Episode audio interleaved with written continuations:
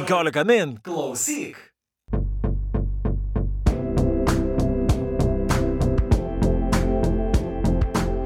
Labadiena, 15 min skaitytojų ir klausytojai ir su jumis sveikinasi tinklaladė perskaitimai ir kaip visuomet esame mes šioje laidoje, aš Audrius Ožalas. Ir aš Juratė Čerškutė. Ir šiandien pakalbėsime apie Latvių rašytojo knygą ir e, mes prieš laidą apsitarėme ir e, supratome, kad tai yra tikrai pirma Latvių rašytojo knyga perskaitimo laidoje ir kalbėjome apie įvairiausių šalių literatūrą, tačiau apie Latvių literatūrą dar nesame kalbėję. Ir e, tikrai yra puikia proga pakalbėti apie tai, nes neseniai leidikla Odilė išleido išleido e, Andrio Kalnozols e, knygą Mane vadina kalendorium. Aš nežinau, ar teisingai ištariu Kalnozols, man atrodo, tas rašytojo pavardė turėtų būti tariama, bet e, dar pakalbėsim laidoje. Ir su mumis labai džiaugiuosi, kad yra vertėjas Laimontas Jonušys, kuris išvertė šią knygą į lietuvių kalbą. Ir na, dažniausiai mes šį vertėją žinome kaip vertėją iš anglų kalbos, tačiau štai dabar jis išvertė šią iš tiesų puikią knygą iš latvių kalbos. Ir sveikiname su vertėju mūsų laidoje. Labadiena. Sveiki. Tai ko gero, pirmiausia, Laimantai ir norėtųsi pradėti klausti, kaip, ko gero, tikrai neperdėsiu sakydama, vienas geriausių anglų kalbos vertėjų ėmėsi latvių literatūros ir taip jūs buvo atvertęs iki tol um, nedidelius tekstus iš latvių kalbos, kurie buvo publikuoti kultūriniai periodikoje, bet štai romanas ir turbūt tas romanas irgi yra toks išskirtinis ir garsus ir latvių literatūros kontekste. Na, sumanimas tai jau brendo seniai, vis dėlto norėjusi kuo nors papildyti savo kaip vertėjo praktiką ir kadangi ėmiau e, Jau prieš 15 metų, 2007 metais pradėjau mokytis latvių kalbos, nors e, to, toks, e, toks noras buvo, gyvavo jau daug seniau, o, bet tada ėmiau lankytis tame Ventspilio rašytojų ir vertėjų rezidencijoje toje. Ir būnant ten, aišku, mokytis latvių kalbą yra lengviau, kai yra aplinka tam tikra, nors dabar internete irgi galima gauti e, daug labai išteklių, kurie padeda mokytis. Na, o mokantis kalbos, žinoma, mane domino ir literatūra, ir galimybė ją versti. Tai, tai šitaip ir e, jau kurį laiką aš ieškojau na, apsakymų, trumpų tekstų buvau vertęs. Ir kurį laiką ieškojau, kokį, kokio romano nusigrėpti, nes čia nėra taip paprasta lietuvių lydėjų sudominti latviškų romanų e, nėra labai lengva, bet to vertėjų iš latvių kalbos e, yra Lietuvoje. E, tai mm, tas, tas nebuvo lengvas uždavinys ir O būtent su šiuo romanu prasidėjo taip, kad e, man jį e, paminėjo Dace Meirė, mano pažįstama latvių vertėja, beje verčianti iš e, ispanų, italų ir lietuvių kalbų. E, ir maždaug tuo pat metu, šiek tiek vėliau, aš klausydamasis Latvijos radijo, tai čia buvo pernai vasario mėnesį, e, kultūros laidoje išgirdau pokalbį su šitos e, knygos autoriumi Andriu Kalnozolu ir jis skaitė fragmentą knygos. Ir tai mane sudomino, tada aš nusinčiau leidyklai laiškelį, pagėdaudamas, kad, kad man atsiųstų knygą, galbūt aš ją norėčiau versti, nes vis tiek pirmiausia turiu perskaityti knygą, nieko nepasižadėdamas, kad, kad tikrai norėsiu versti. Na ir tada atsiuntė knygą, aš ją perskaičiau, pasakiau, kad e, viskas gerai, norėčiau, bet versti galėsiu tik maždaug po pusės metų, tai yra 21 metų rudenį pradėti galėsiu, nes dargi verčiau tą Nabokovo bliškę ugnį.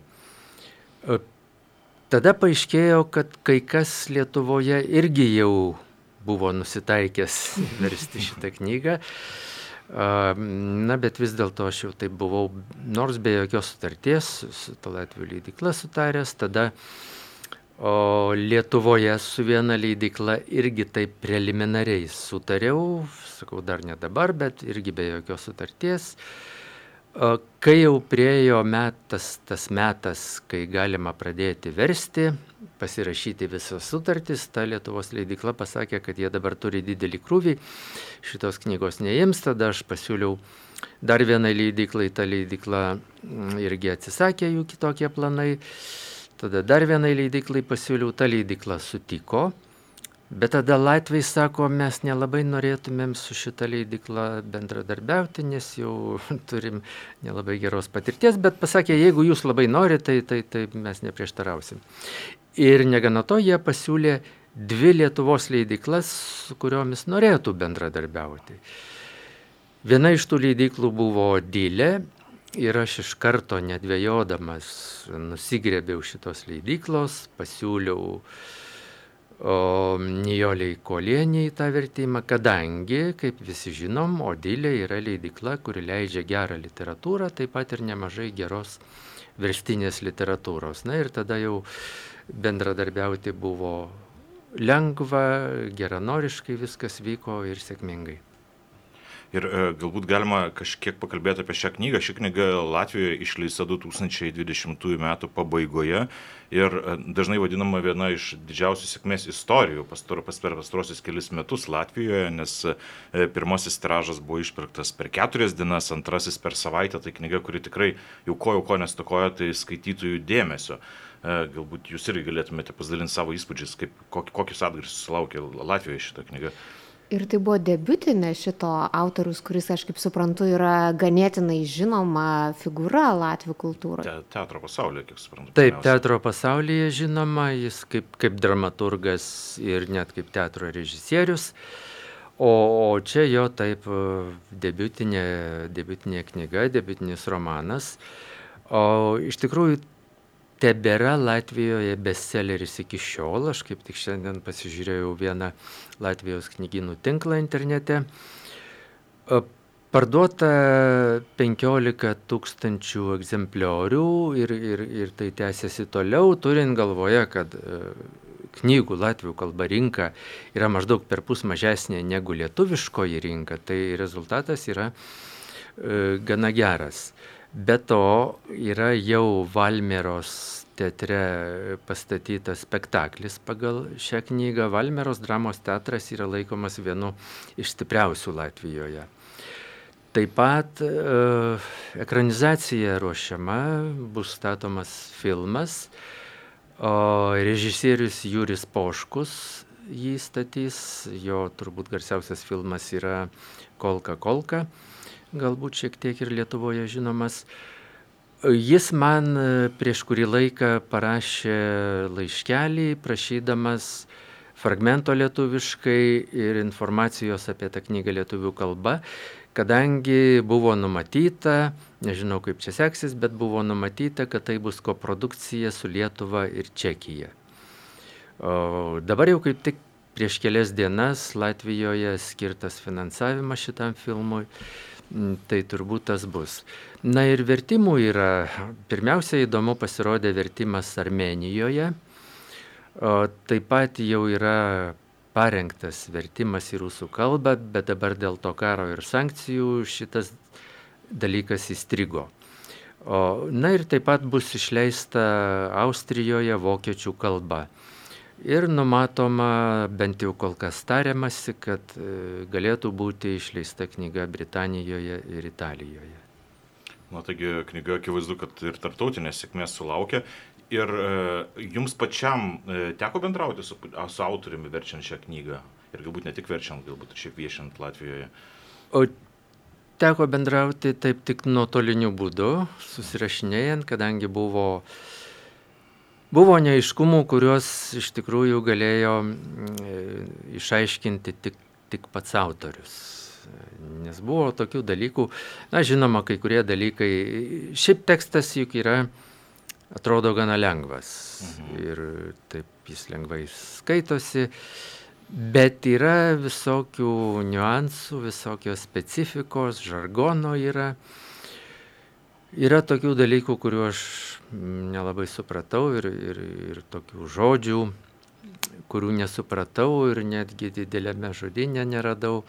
E, latvių kalbos aiškinamajame, kur, kur, kur šiaip nemažai žargono yra. Tai tada autorius man parašė, šitos žodžius sugalvojo Oskaras. Na, tai yra mhm. personažas, na, tai faktiškai pats autorius.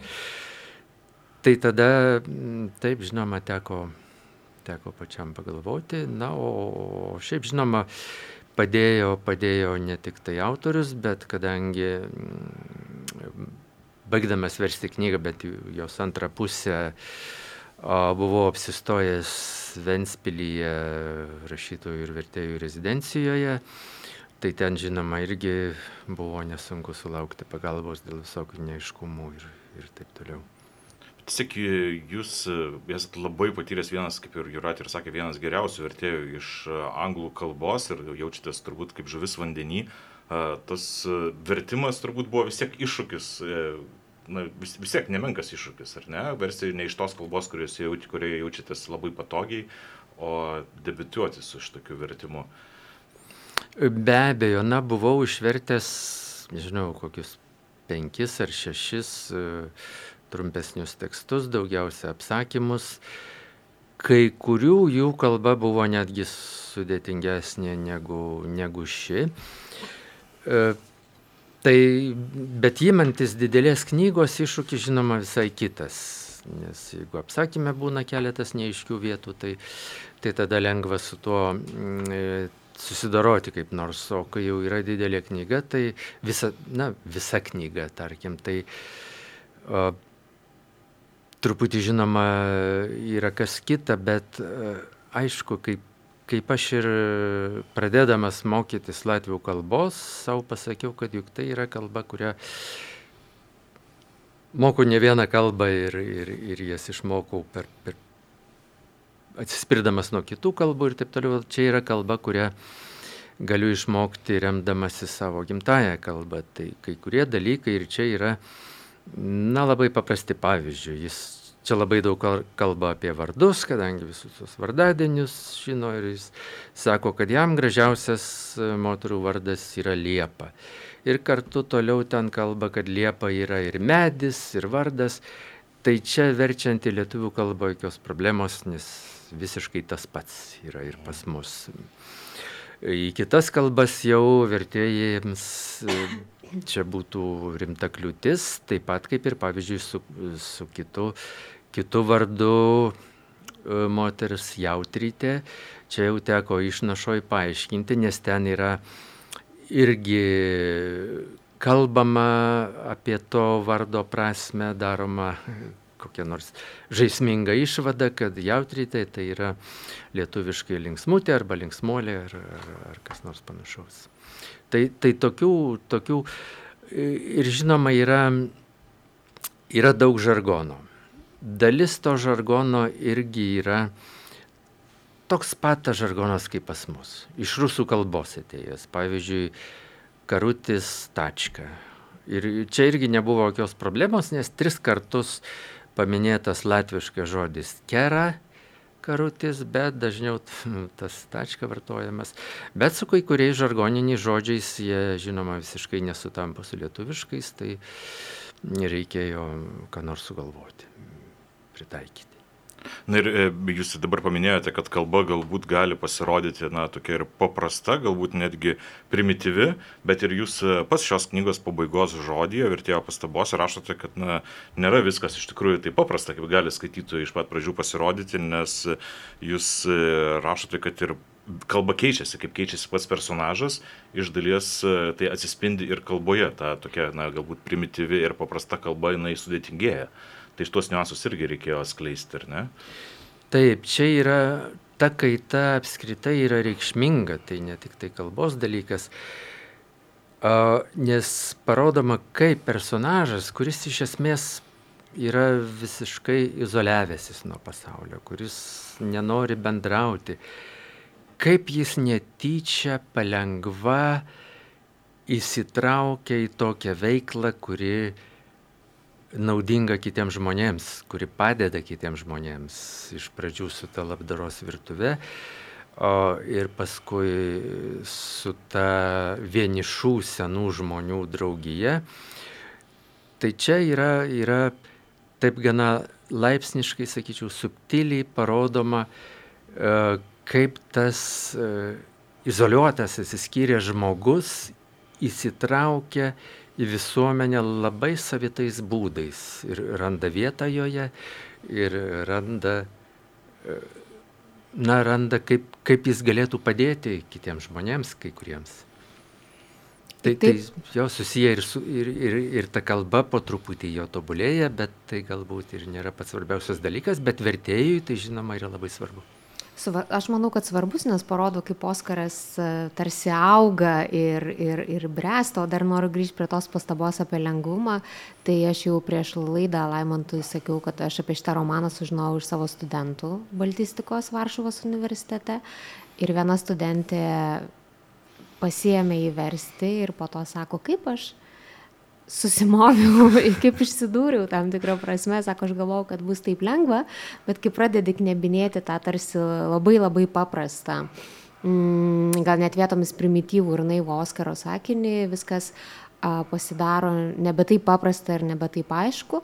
Ir aš galvoju, kad gal čia reikia mūsų klausytams pasakyti, kad knyga, e, kai jūs ją paimsit skaityti, tai už karto matysit ant viršelio sudėliotos savaitės, tai yra na, kalendorius yra visi metai, yra dienoraštis pagrindinio veikėjo Oskaro, kuris aplinkiniams žmonėms yra žinomas kalendoriaus vardu, dėl to, kad jisai, na kaip pats sako, turi kažkokį sindromą ir, turi, ir yra silpnų nervų, dėl to jisai buvo išmokęs kalendorių su visomis datomis ir svarbiausia visų vardų vardadieniais.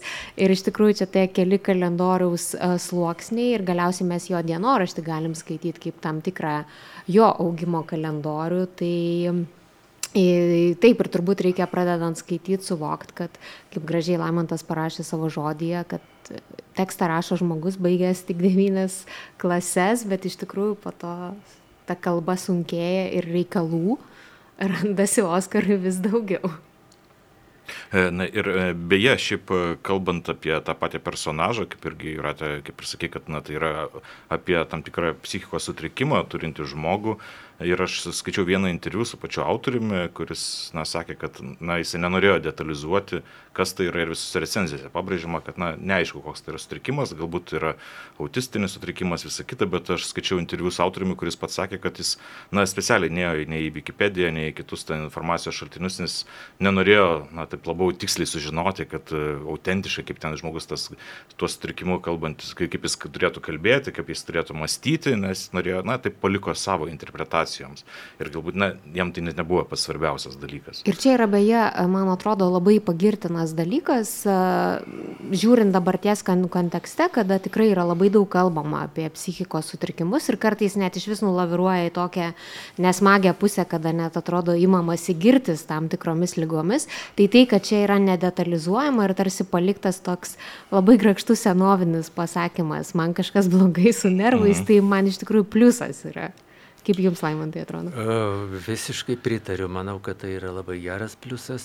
Žinoma, pagal požymius tai iš tikrųjų labai panašu į autistinį sindromą, nes yra sunku rasti emocinį ryšį su žmonėmis tam personažui.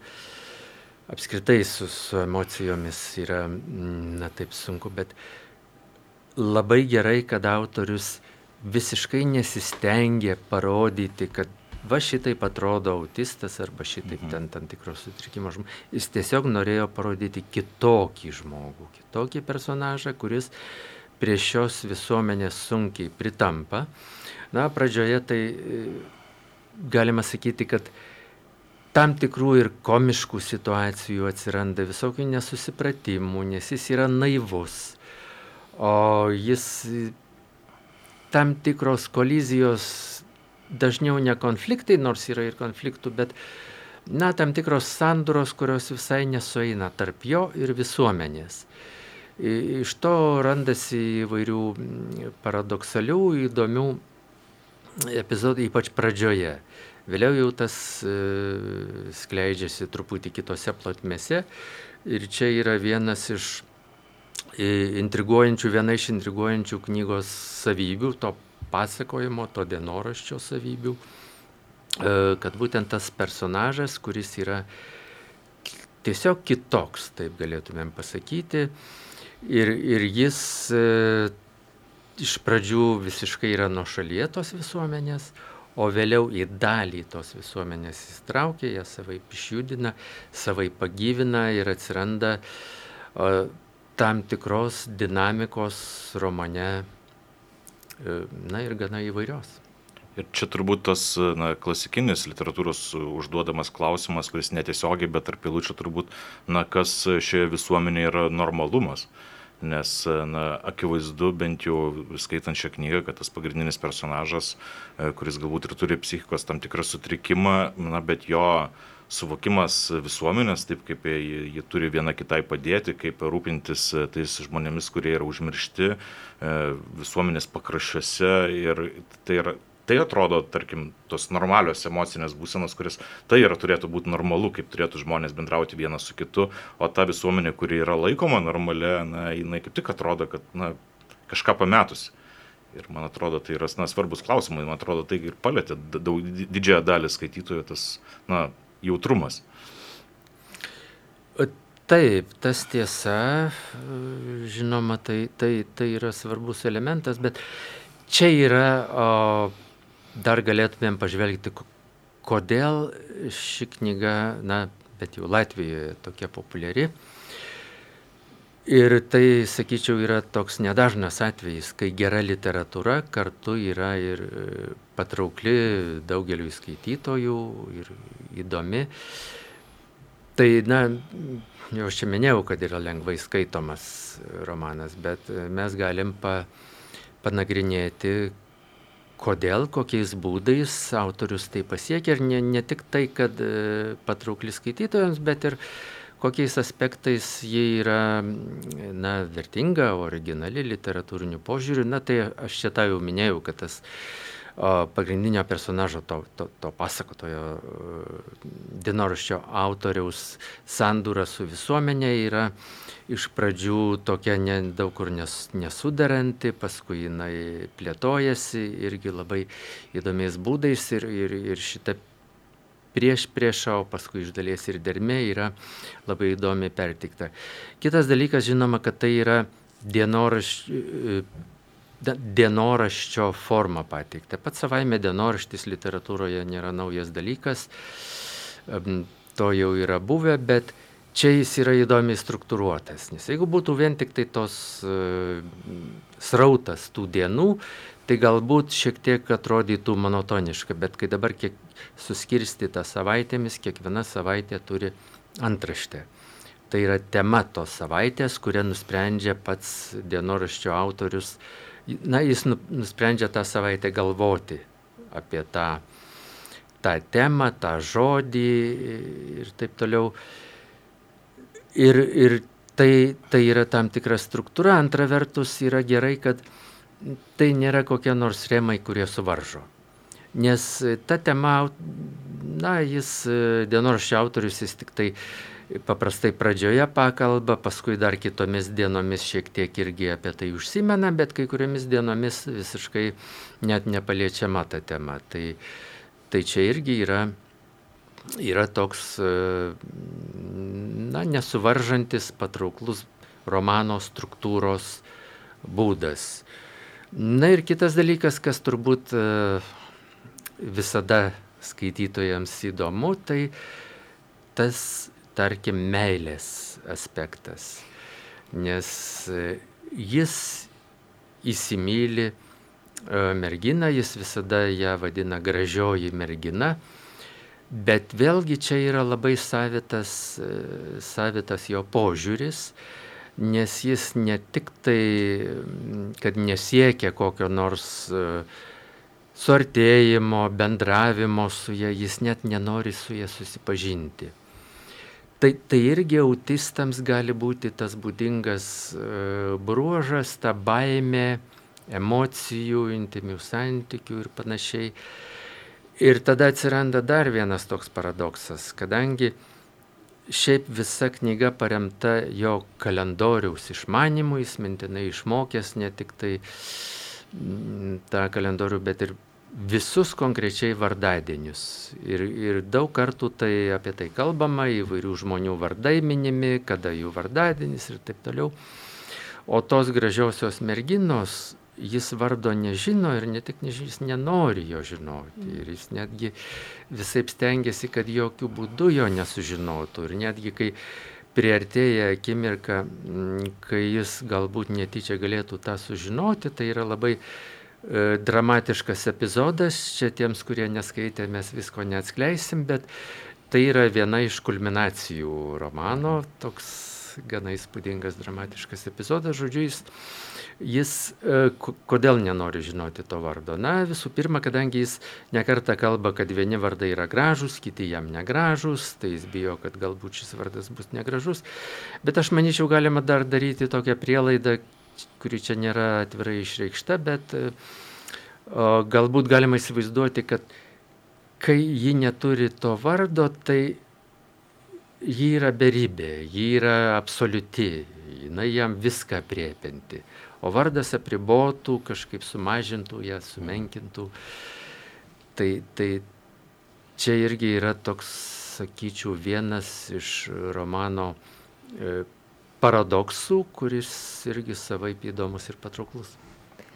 Aš galvoju, kas man darė įspūdį skaitant e, šitą knygą, tai ko gero pirmiausia, aišku, reikia turėti mintį, kad mes ją skaitėm jau karo Ukrainoje kontekste, tai vėl daug dalykų e, persislenka. E, Latvijai skaitė ją pirmo, pirmo karantino rudenį ir tikrai aš truputį užmečiau akį į atsiliepimus ir vienam interviu Kalbintojas net dėkojo rašytojui už tai, kad šita knyga pasirodė prieš 2020 m. Kalėdas, kad tai yra tokia šviesi ir kažkokia gyvenimo teisybė, grožį ir šviesą gražinanti, gražinanti knyga. Ir iš tikrųjų tas pojūtis buvo ir man skaitant, tarsi kažkaip vėl subalansavo tą tokį žmoniškumą, kuris dabar iš tikrųjų žiūrint visas žinias taip išsikreipia.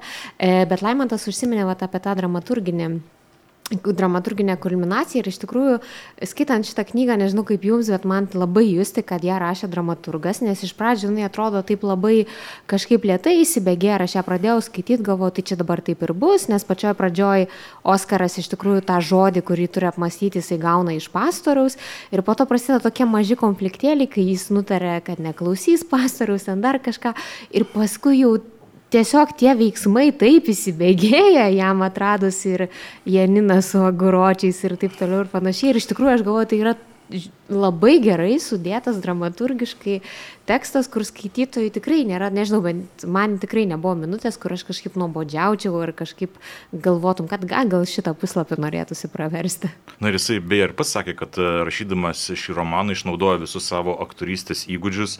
Na ir jisai sakė, kad netgi tai yra kaip koks mono performances, tik tai, kad užrašytas. Tai jis, jis sakė, kad irgi na, bandė žiūrėti šio romano rašymą iš tam tikros na, dramaturginės pusės ir aš nežinau, ar jums verčiant tai jaučiasi. Taip, tai jaučiasi, bet tai daugiau jaučiasi, na, tokiu grinai struktūriniu požiūriu.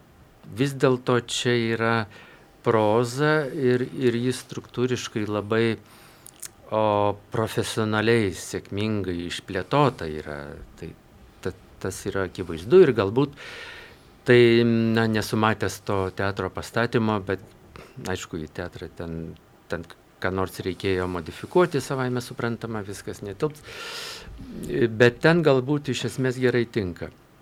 Bet vis dėlto, kai ruošiamasi kino filmą statyti, tai buvo nuspręsta, kad veiksmo per mažai čia yra vis dėlto, nes daug kur čia yra, labai daug yra to kalbėjimo, kur jis apmasto, jis įdomiai apmasto, jis reaguoja į vairius įvykius, į savo e, visokius veiksmus, kartais juos kritiškai žvelgdamas į kitų žmonių veiksmus ir taip toliau. Visa tai yra įdomu skaitant, bet e, kino filme reikia daugiau veiksmo ir scenarijų rašė pats pats autorius, kartu, man atrodo, kartu su režisierium.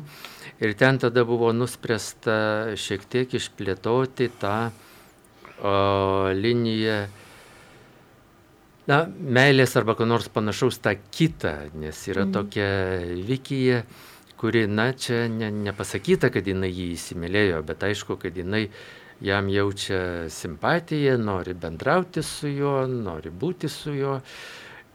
O jis yra gana abejingas, tai nežinau, kaip, kaip tai bus kino filme modifikuota ir išplėtota, bet ten tikimasi daugiau veiksmo. O aš noriu klausti, Laimantai, jūsų apie prototipus, nes jūs ir savo feisbuke e, įkėlėt keletą nuotraukų ir parašėt, kad nors, nors romane miestas nėra e, taip tiesiogiai įvardintas, ar ne, bet autorius niekada neslėpia, kad tai yra talsai, ar, ar, ar gerai ištariu latviškai. Ir, ir aš kiek skaičiau interviu su autoriumi, tai supratau, kad net e, iš tikrųjų ir Oskaras kaip po toks tose talsuose egzistuoja. Taip, iš tikrųjų buvo, yra net ir personažo prototipas. Na, e, kai aš buvau kaip tik šią, šiemet žiemą toje rezidencijoje Ventspilyje, o nuvažiavau autobusu iki Talsų, ten yra gal kokie 80 ar 70 km, o Žinoma, to personažo prototipo aš negalėjau rasti neieškojau, bet, na, minimus pastatus, ten daugmaž gatves, ką nors. Talsa yra gana, na, jis toks gana nuošalus miestas, kokių 12 tūkstančių gyventojų, tai nėra toks jau visai mažytis. E, vadinamas devinių kalvų miestu, yra du ežerai, gana vaizdingas. E, Na ir man buvo įdomu surasti tas vietas, kur, kur vyksta veiksmas. E, aš nuėjau į o, miesto muziejų ir ten darbuotojos paklausiau, nes visi ten žino apie tą romaną ir yra skaitę.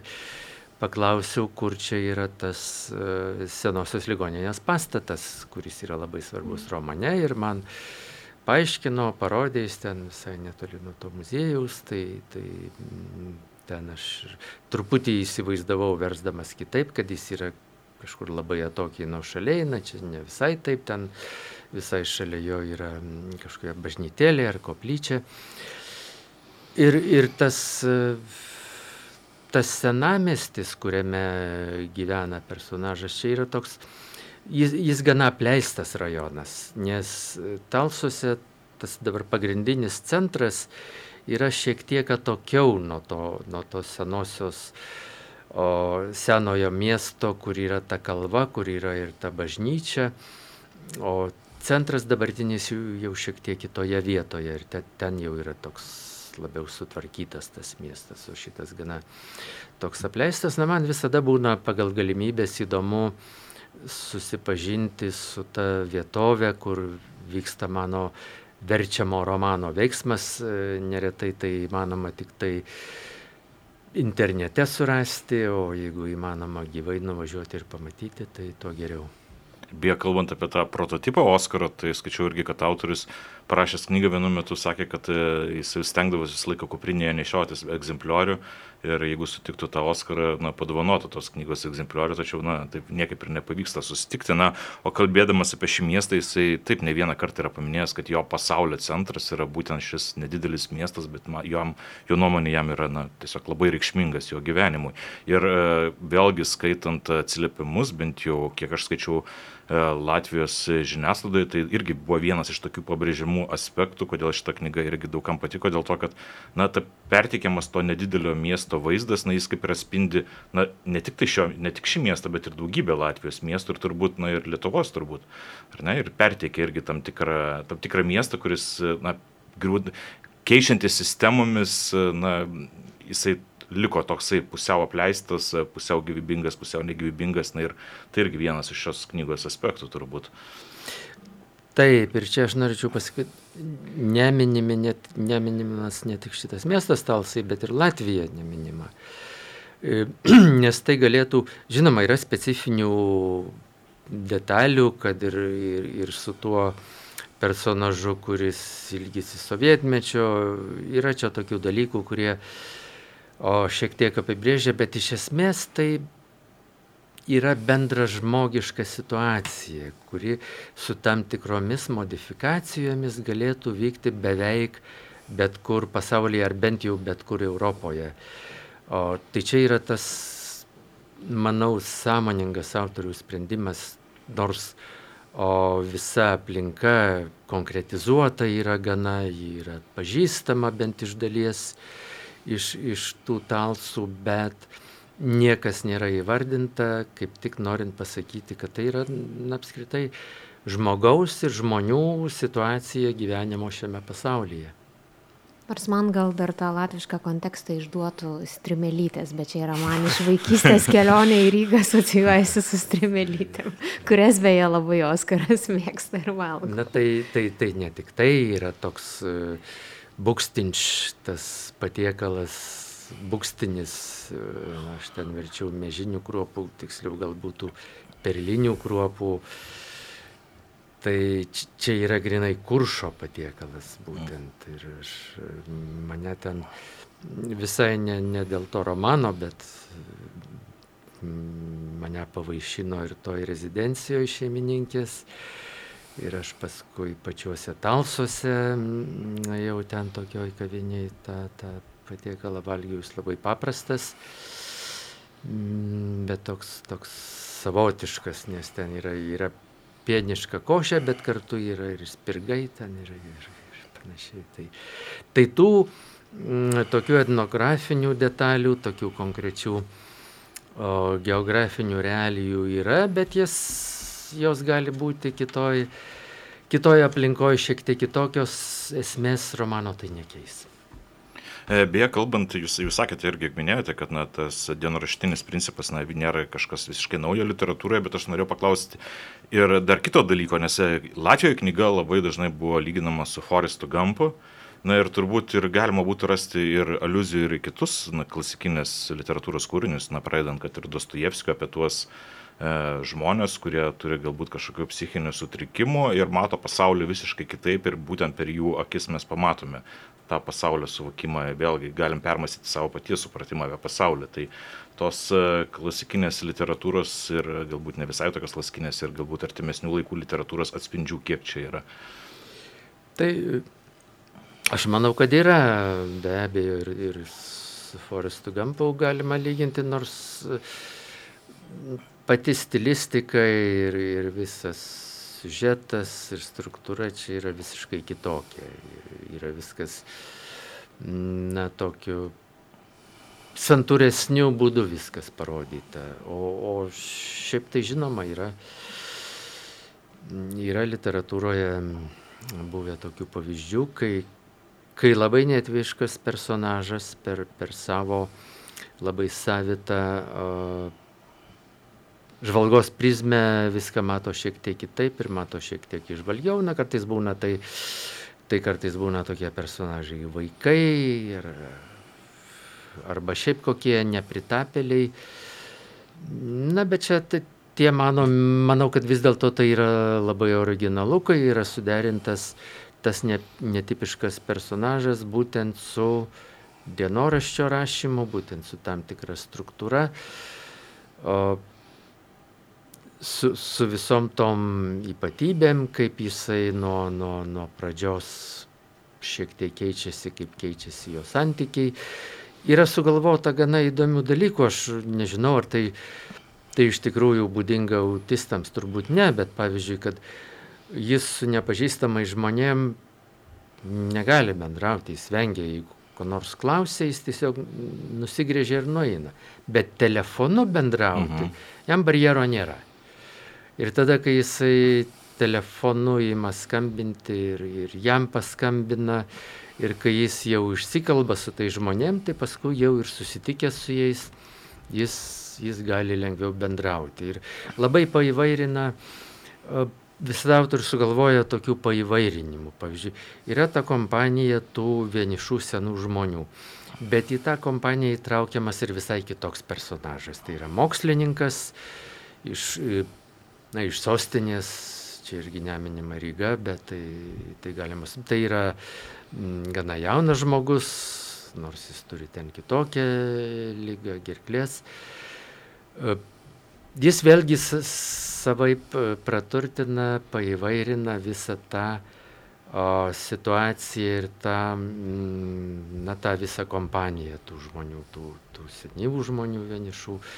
Vėlgi toks, manyčiau, yra įdomus autorių sėjimas, kuris prasideda vis, nuo visiško nesusipratimo, kai e, atsitiktinai paėmęs tą knygą apie šiltnamio efektą, Oskaras iš pradžių iš vis nieko nesupranta, paskui jisai mm, pamato, kad š autorių paremė ten leidžiančią knygą kas nors, jis nusprendžia, kad tas autorius yra visai skurdžius ir jį reikia pakviesti į sriubos virtuvę čia. Bet kita turbūt dar personažė, kur irgi iškrenta iš to viso senų žmonių kolektyvo, tai yra ta heroja, kuri turi didžiulį namą su sodu ir man tai iš karto primena mm, tą posovietinę realybę, ar ne, kai visi statėsi ten, nežinau, 8-9 aukštų namus ir, ir šiaip beje, va, tokių tų atspindžių gyvenimo po sovietmečio, tai šitoje knygoje yra, tik aišku, jie yra labai subtilūs ir tokie netesmuki. Ir beje, jeigu kalbant vėlgi apie tą patį e, mokslininką iš e, Rygos, kuris irgi pakviečiamas į tą labdaros valgyklą, na, reikia dar, dar kitą dalyką pasakyti, kad bent jau man šita knyga iš tikrųjų labai taip subtiliai komiška. Iš tikrųjų, na, tikrai yra ne viena vieta, kur jokiausi balsu, nes, na, atrodo, rašant apie tokį personažą, ar ne, kuris, na, tarkime, na, turi ir psichinį sutrikimą, ir, ir, ir jo gyvenimas, na, tikrai labai daug skaudžių elementų, irgi nesinori labai daug išduoti, bet ir motinos lyga ir visa kita. Na, bet autorius sugeba įterpti tiek to tokio skaidraus ir švelnaus humoro, kad, na, knyga įgauna dar kitų spalvų iš karto. Taip, čia yra gerai suderinti tie tie komiški aspektai su tokiais gana liūdnais ir kartais e, tragiškais dalykais. Ir, ir tam, ta motinos mirtis ir žinoma yra labai slegiantis epizodas, kai personažas buvo nuvežtas į kliniką ir kurį laiką ten praleido. Tai čia toks yra, yra labai sunkus prisiminimas, kur, kur jis sako, kad aš jau, jau verčiau, aš mirsiu, negu dar kartą ten atsidursiu tai yra iš tikrųjų tie, tie suderinti, sakyčiau, labai harmoningai, o tam tikras e, komizmas ir, ir na, tie tokie liūdnesni e, epizodai.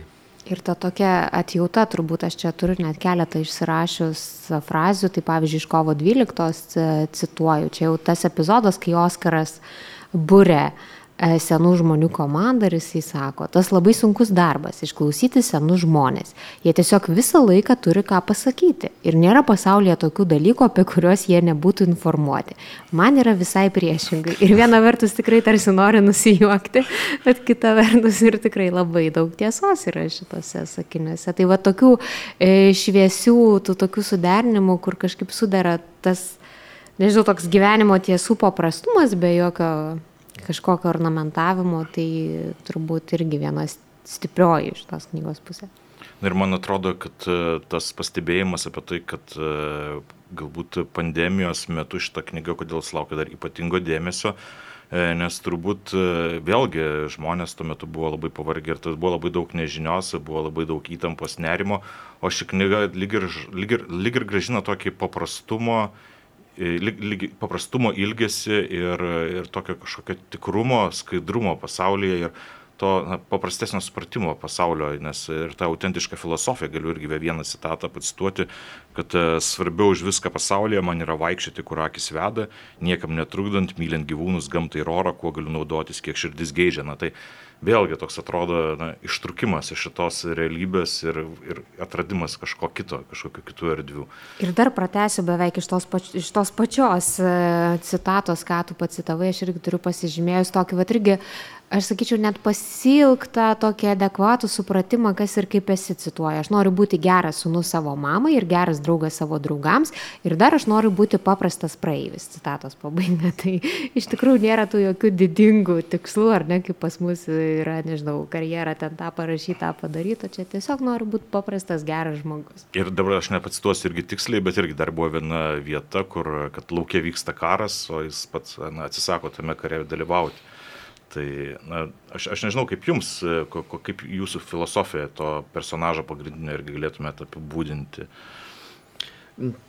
Taip, čia visur yra toks balansavimas. Jis nenori, nenori dalyvauti, kaip čia karas metaforiškas, e, nenori įsitraukti, o nori, va, kaip čia citavo, mėgautis vaikščioti ir, ir, ir mėgautis paukščių giesmėmis ir, ir, ir panašiai.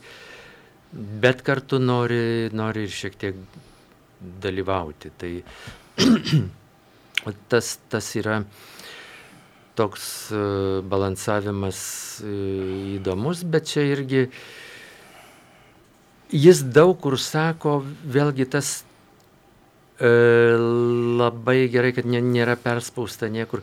Personažas toks lyg ir turėtų būti neemocingas, jis daug kur yra ir yra neemocingas, jis daug kur sako, reaguoja, kaip reikia elgtis, ką daryti, ne tiek iš emocijų, ar, ar bent jau nėra niekur kokio nors sentimentalumo, perspaudimo, bet jis sako, kad šitaip nedėra, šitaip dera elgtis, šitaip nedėra. Ir pats save kartais kritiškai žiūri, kad su, su mama šitaip negalima elgtis, kaip aš pasielgiau.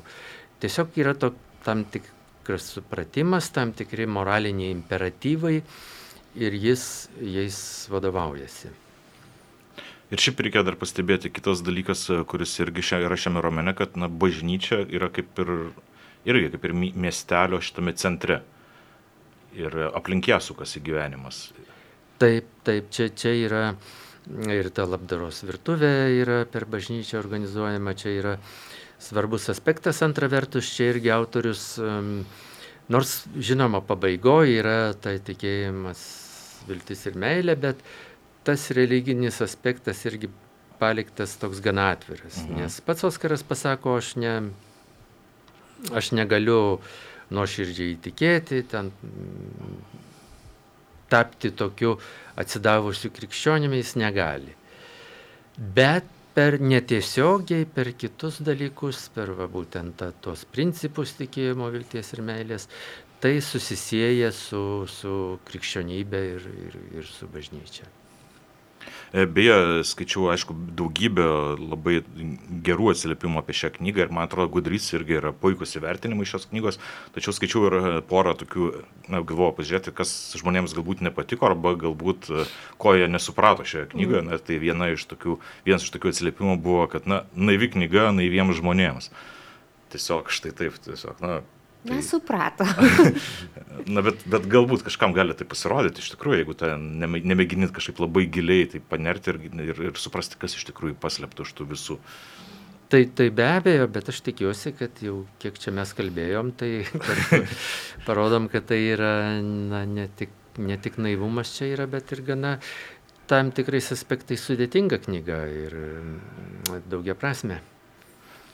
Ir likimai žmonių rodomi ne tik Oskaro, ir gal man irgi vienas iš tokių uh, gražesnių, to aš dabar galvoju, gal net ir būtų galima apie šitą knygą sakyti Bildungsromanas, nes tiesiog mes matom tą Oskaro brandimą ir man turbūt labai gražu, uh, kai knygai persiritus į antrą pusę atsiranda uh, jo paties tokios savirefleksijos apie save, Ir kur, vat, Laimantai jūs sakėt, ar ne, apie tas, kuris kalba, kaip galima elgtis, kaip negalima, ir jis tą reflektuoja, kad blogai pasielgia. Tai net buvo tokių vietų, kur, aišku, dabar kažką man galvoja žodis užneša, bet jis ten jau ir pats rašo, kad aš susinervinau ten, kur nereikia arba ne, negražiai pasielgiau. Tai yra tokių a, gražių dalykų ir tas finalas, aišku, toks jau visiškai vat filmai, man atrodo, romano finalas tai tiktų. Skaitant buvo man kiek netikėtas, bet irgi neišduosim. Tai, o šiaip ko gero, man, kadangi mes su studentais kalbėjom apie šitą knygą, tai man labai patiko vieno mano studento išvalga, kad pirmas žodis, kuris jam ateina į galvą pagalvojus šitą, apie šitą knygą, tai yra emocija. Kad, va, tai yra knyga, kuri tarsi atvirai nedemonstruoja emocijų, bet tam tikrą prasme pateikia visą jų paletę.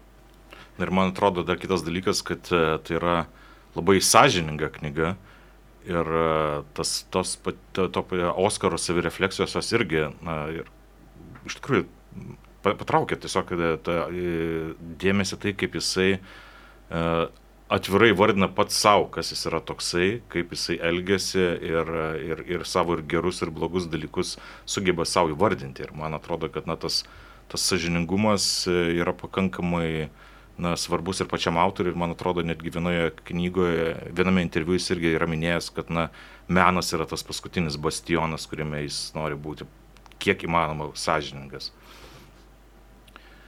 O gal tada aš dar noriu, Laimantai, jūsų paklausti, ne, nežinau, ar jūs atsakysite šitą klausimą, bet uh, iš tikrųjų seniai man kirba galvoj, uh, kodėl taip nutinka, kad mes apie tuos, kurie realiai mums po akimis, ar ne, Latvijai kaimynai visiškai mhm. šalia, E, mes tikrai e, tiek mažai e, žinom ir iš tikrųjų žiūrint, man atrodo, vertimų prasme, tai tikrai negalim čia pasigirti, kad labai daug latvių literatūros, nu aš tikiu, kad Nora Ikstena visi žino, bet tai daugmaž ir viskas.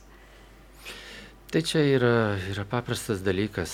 Mes jau nuo, nuo to, kai išsivadavom iš tos sovietinės imperijos, žiūrim į vakarus. Tai, tai čia suprantama, tie, tie kaimynai netiek netiek labai domina, bet žinoma yra, yra ir iš, iš Lenkų, bet aš sakyčiau, kad viso šito o, vidurio rytų Europos to regiono per mažai pas mus literatūros pasirodo. Mm, galų gale net, tarkim, iš rumūnų tai iš viso nieko neverčiame. Tai, na, jau atsiranda iš, iš tų buvusios Jugoslavijos tautų kalbų, iš bulgarų, va dabar neseniai turim tą Gospodinovą. Taip, ir, ir kitų yra, vengrų irgi mažokai šiek tiek pasitaiko, bet ir, ir estų, tai čia yra tokia nuostata, kad į vakarus reikia, na, na yra tokios Žinoma, iš anglų kalbos tai neproporcingai daug verčiama, kadangi aš pats verčiu, tai neturėčiau skustis, bet iš tikrųjų tai manau, kad per daug. Yra to, ir, o toliau yra pasaulinės mados, skandinavų, dalis skandinavų literatūros ir, ir, ir kiek nors gal Latino Amerikos, kiek nors prancūzų, čia tas keičiasi šiek tiek, bet Mm, tam tikros niveliacijos esama požiūrėje į tai, ką, ką reikia versti. Na šiaip aišku, leidyklos, kai pakalbė su leidyklomis, jos vis tiek dažnai pabrėžia, kad na, labiausiai e, vis tiek, kiek mes bežiūrėtume tos pasaulinės lygio rašytojus, vis tiek labiau perkami yra lietuvių autorių kūriniai, jie yra dažniausiai tampa bestsellerių autoriais. Tačiau Latvija, kuri irgi atrodytų, kad na, yra visiškai šalia mūsų ir galėtume irgi, na, būtų visai įdomu, ką kaimynai ką daro, bet štai vat, Latvijos irgi esu porą kartų netgi klausęs, kodėl Latvijai nesulaukia tokio populiarumo, na, sako, kad, na, visi galvoja, kad, nu, tikrai nebus čia jau tokio pasaulinio lygio literatūra, lietuvis skaito dėl to, kad tai yra artima, tai yra mūsų, o Latvijai, na, Tai yra, ar, ar tikrai sukurs kažką tokio, kas jau prilygtų, tarkim, anglų arba prancūzų arba vokiečių literatūrai. Tai, na, man atrodo, irgi taip nepelnytai užmirštama. Ir netgi kai kurie kūriniai, jie gavo 94, kuri, mano nuomonė, tikrai puikus romanas, bet irgi Lietuvoje praslydo taip beveik, beveik, nors ir pats autoris netgi viešėjo ir knygų mugėje visgi praslydo beveik nepastebėtas šitas romanas kuris beje Latvijoje irgi sulaukė didelio dėmesio, jeigu aš neklistu. Taip ir jis į gana daug kalbų išverstas ir, ir ne tik Europoje netgi. Na, tai reikia tikėtis, kad ši knyga šiek tiek išjudins, nors nelabai ne, daug čia vilties, bet... Nu, pasistengsim pakrūtinti. O dar man smalsu klustelt, ar turit e, savo ateities sąraše dar kokią vieną latvišką knygą, kurią norėtumėte išversti?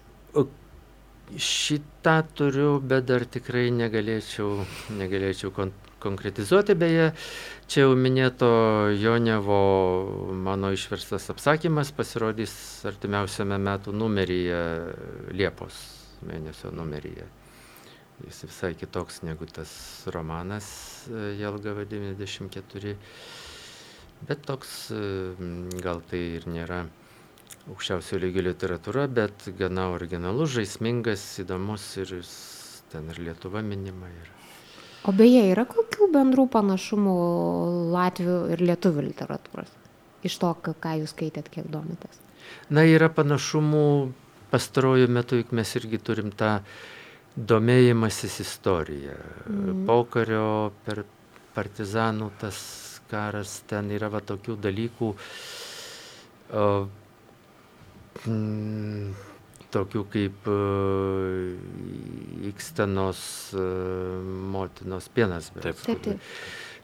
Tai va tų, tų ekskursų istoriją, į, į tą sunkę patirtį, o, tai yra, na, žinoma, galim, galima lyginti netgi o, tą Jonevo Jelgavą galima lyginti su Kmitos šiauliais tam tikrą mhm. prasme, nes panašus laikotarpis, ta, ta kaip tik tokia suirutė posovietinė. Tai kadangi patirtis panaši, tai tų tų panašumų atsiranda, žinoma. Bet čia tos istorinius romanus, tai man atrodo, jų tokia gausa nulėmė tas projektas, kai buvo šimtmetis, e, kur jie, turbūt ir vienas, jeigu aš gerai prisimenu, Latvija šimtas ir vat, ten skirtingi rašytojai pasirinko skirtingus epizodus ir vat, būtent e, paskutinį sovietmečio, tą jau visišką sovietmečio pabaigą, vėlyvą į sovietmetį, tai ir pasiemė Norą Iksteną ir Motinos pienas yra to didžiulio projekto produktas ir aš, aišku, ir pati su savim diskutavau, ar, ar pavyzdžiui Lietuvai būtų pasiteisinęs toks projektas? Tas projektas taip iš tikrųjų buvo labai sėkmingas Latvijoje ir, ir tos knygos buvo gana gerai perkamos, gal ne visos, nes ten jų nemažai susidarė. Ar Lietuvoje tai būtų sėkminga? Na, aš nežinau. Šiaip, žinoma, visada norisi šiek tiek skeptiškai žiūrėti į tokius projektus, nes atrodo, kad autorius rašo romaną pagal užsakymą. Ir kažkokį, mhm. nors šitas užsakymas gana jo ribos labai laisvos, na, bet vis tiek, vis tiek šioks toks įtarumas dėl to gali kilti ir, ir, ir tai gali būti ne visada sėkminga, galbūt ne visi ir tie latviški romanai buvo sėkmingi. Bet, uh, Na šiaip sumanimas buvo, bent, bent jau Latvijoje jis labai gerai pasiteisino. Beje, kalbant vėlgi apie Latvijos e, galbūt sklaidą užsienyje, tai irgi skaičiau irgi vienoje recenzijoje apie šitą romaną ir buvo mėginama ieškoti sąsajų, nes kaip žinia, kaip Latvija dar prieš kelis metus tartautinėse knygų mūgėse prisistatė I'm introvert, tiesiog aš esu introvertas e, tokiu šūkiu Ir beje, jis buvo labai sėkmingas ir, ir, ir, ir buvo ir, ir lipdukai buvo kūriami ir na, daug, daug iš tikrųjų. Komiksas labai jo, geras. Buvo daug ir, ir visi sakė, na štai Latvija toks kaip ir literatūrinis eksportas kalba apie žmonės, kurie yra, na galbūt šituo atveju ne visai introvertas, na bet kurie na, kažkaip slepiasi nuo pasaulio ir nenori jame aktyviai dalyvauti. Na taip, estų rašytojai sakė, jeigu Latvija introvertai, tai mes jau iš vis mirę. E, taip, ir aš atsimenu, Londono knygų mugėje irgi Latvija e, iškabino tos lipdukus tualetuose ir kažkaip ten buvo kažkoks užrašas, kad na, vienintelė vieta, kur aš išjuosi saugus šitoje mugėje. tai, tai, na, taip, savironiškas, aišku, žvilgsnis toks į save. Na, čia buvo toks įdomus rinkodarinys įėjimas, žinoma.